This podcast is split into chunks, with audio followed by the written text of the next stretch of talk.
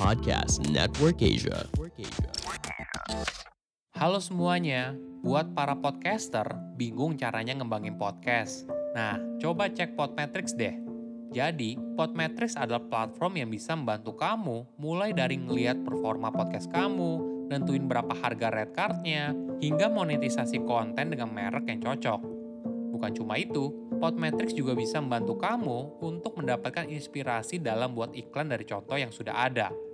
Yang paling terbaru, Podmetrics juga punya fitur Pod Earnings dengan berbagai metode pembayaran.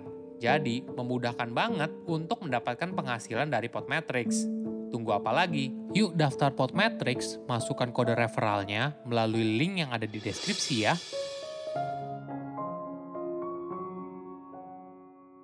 Kerja lembur bukan tanda produktivitas. Membanggakan berapa jam yang kamu habiskan dalam bekerja bisa memberikan tekanan sosial bagi orang lain. Halo semuanya, nama saya Michael. Selamat datang di podcast saya, Sikutu Buku. Kali ini saya akan membahas fenomena hustle culture, kerja keras bagai kuda. Mungkin kamu tidak asing dengan istilah ini. Banyak orang mengagungkan jam kerja yang panjang, dan ini adalah cara untuk mencapai kesuksesan di era sekarang. Apakah ini merupakan cara kerja yang ideal? Atau malah cara kerja ini berdampak negatif dan mengurangi produktivitas? Sebelum kita mulai, buat kalian yang mau support podcast ini agar terus berkarya, caranya gampang banget. Kalian cukup klik follow. Dukungan kalian membantu banget supaya kita bisa rutin posting dan bersama-sama belajar di podcast ini.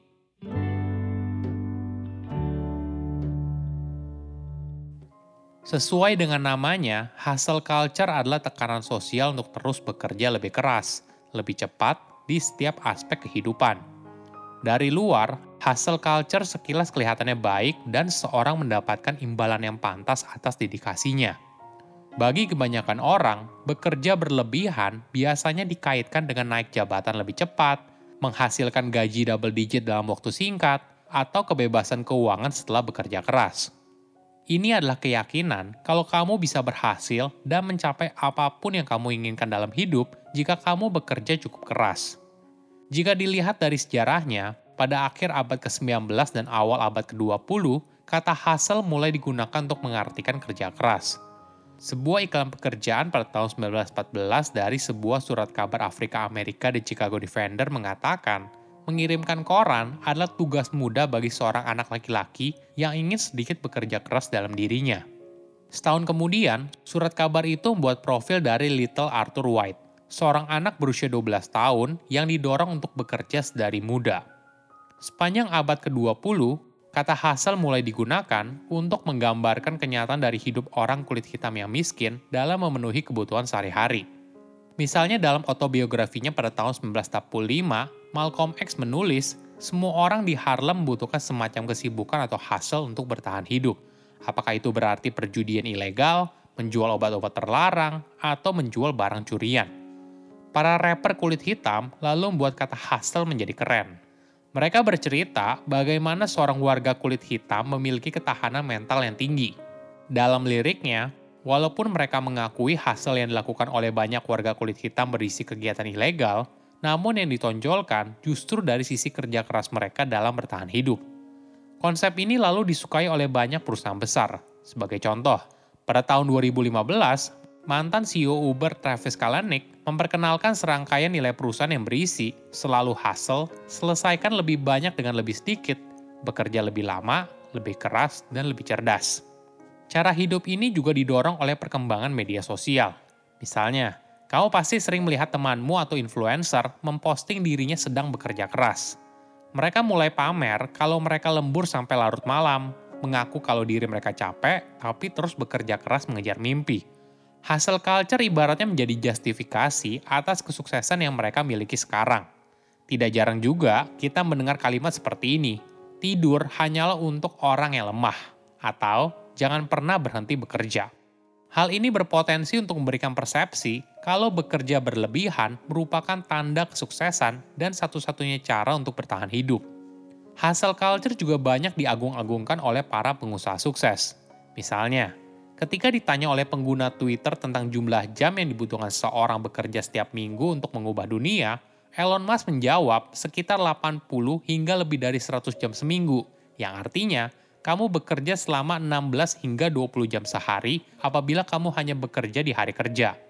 Mungkin saja Elon menggunakan standar itu untuk dirinya sendiri. Namun yang jadi masalah, apabila banyak orang yang mengidolakan Elon merasa kalau itu cara satu-satunya untuk sukses.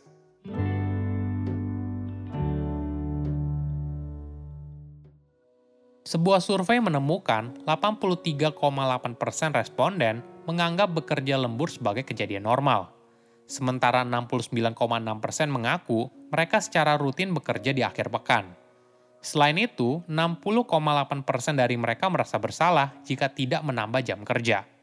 Ketika ditanya tentang jumlah jam yang mereka habiskan untuk bekerja per minggu, ada satu responden yang menghabiskan rata-rata 100 jam kerja per minggu atau setara dengan 20 jam sehari. Sementara sebagian dari mereka bekerja antara 75 hingga 80 jam per minggu atau setara dengan 16 jam sehari. Nah, apakah jam kerja berhubungan dengan produktivitas? Ini tentu saja pertanyaan yang menarik. Sebuah studi dari Pensavel pada tahun 2014 menemukan hubungan antara jam kerja dan produktivitas adalah non-linear. Penjelasannya begini, di bawah ambang batas 48 jam, output yang dihasilkan sebanding dengan jam kerja.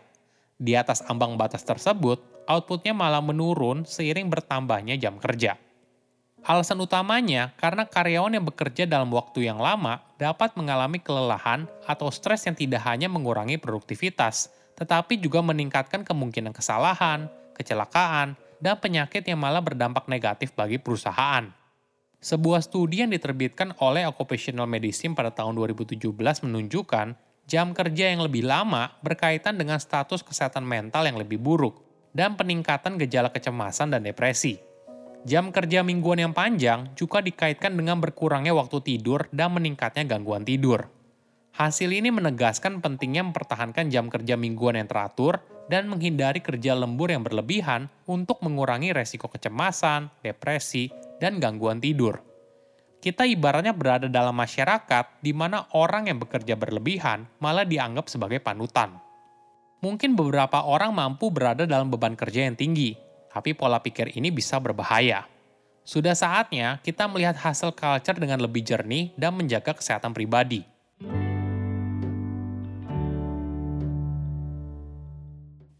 Bagaimana cara menjalani hidup yang lebih seimbang? Pertama, merubah mindset kamu soal bekerja. Jangan merasa bersalah ketika kamu bekerja 40 jam seminggu. Jangan merasa bersalah ketika kamu memutuskan untuk mengambil istirahat sejenak. Jangan merasa bersalah ketika kamu punya jam tidur 8 jam sehari.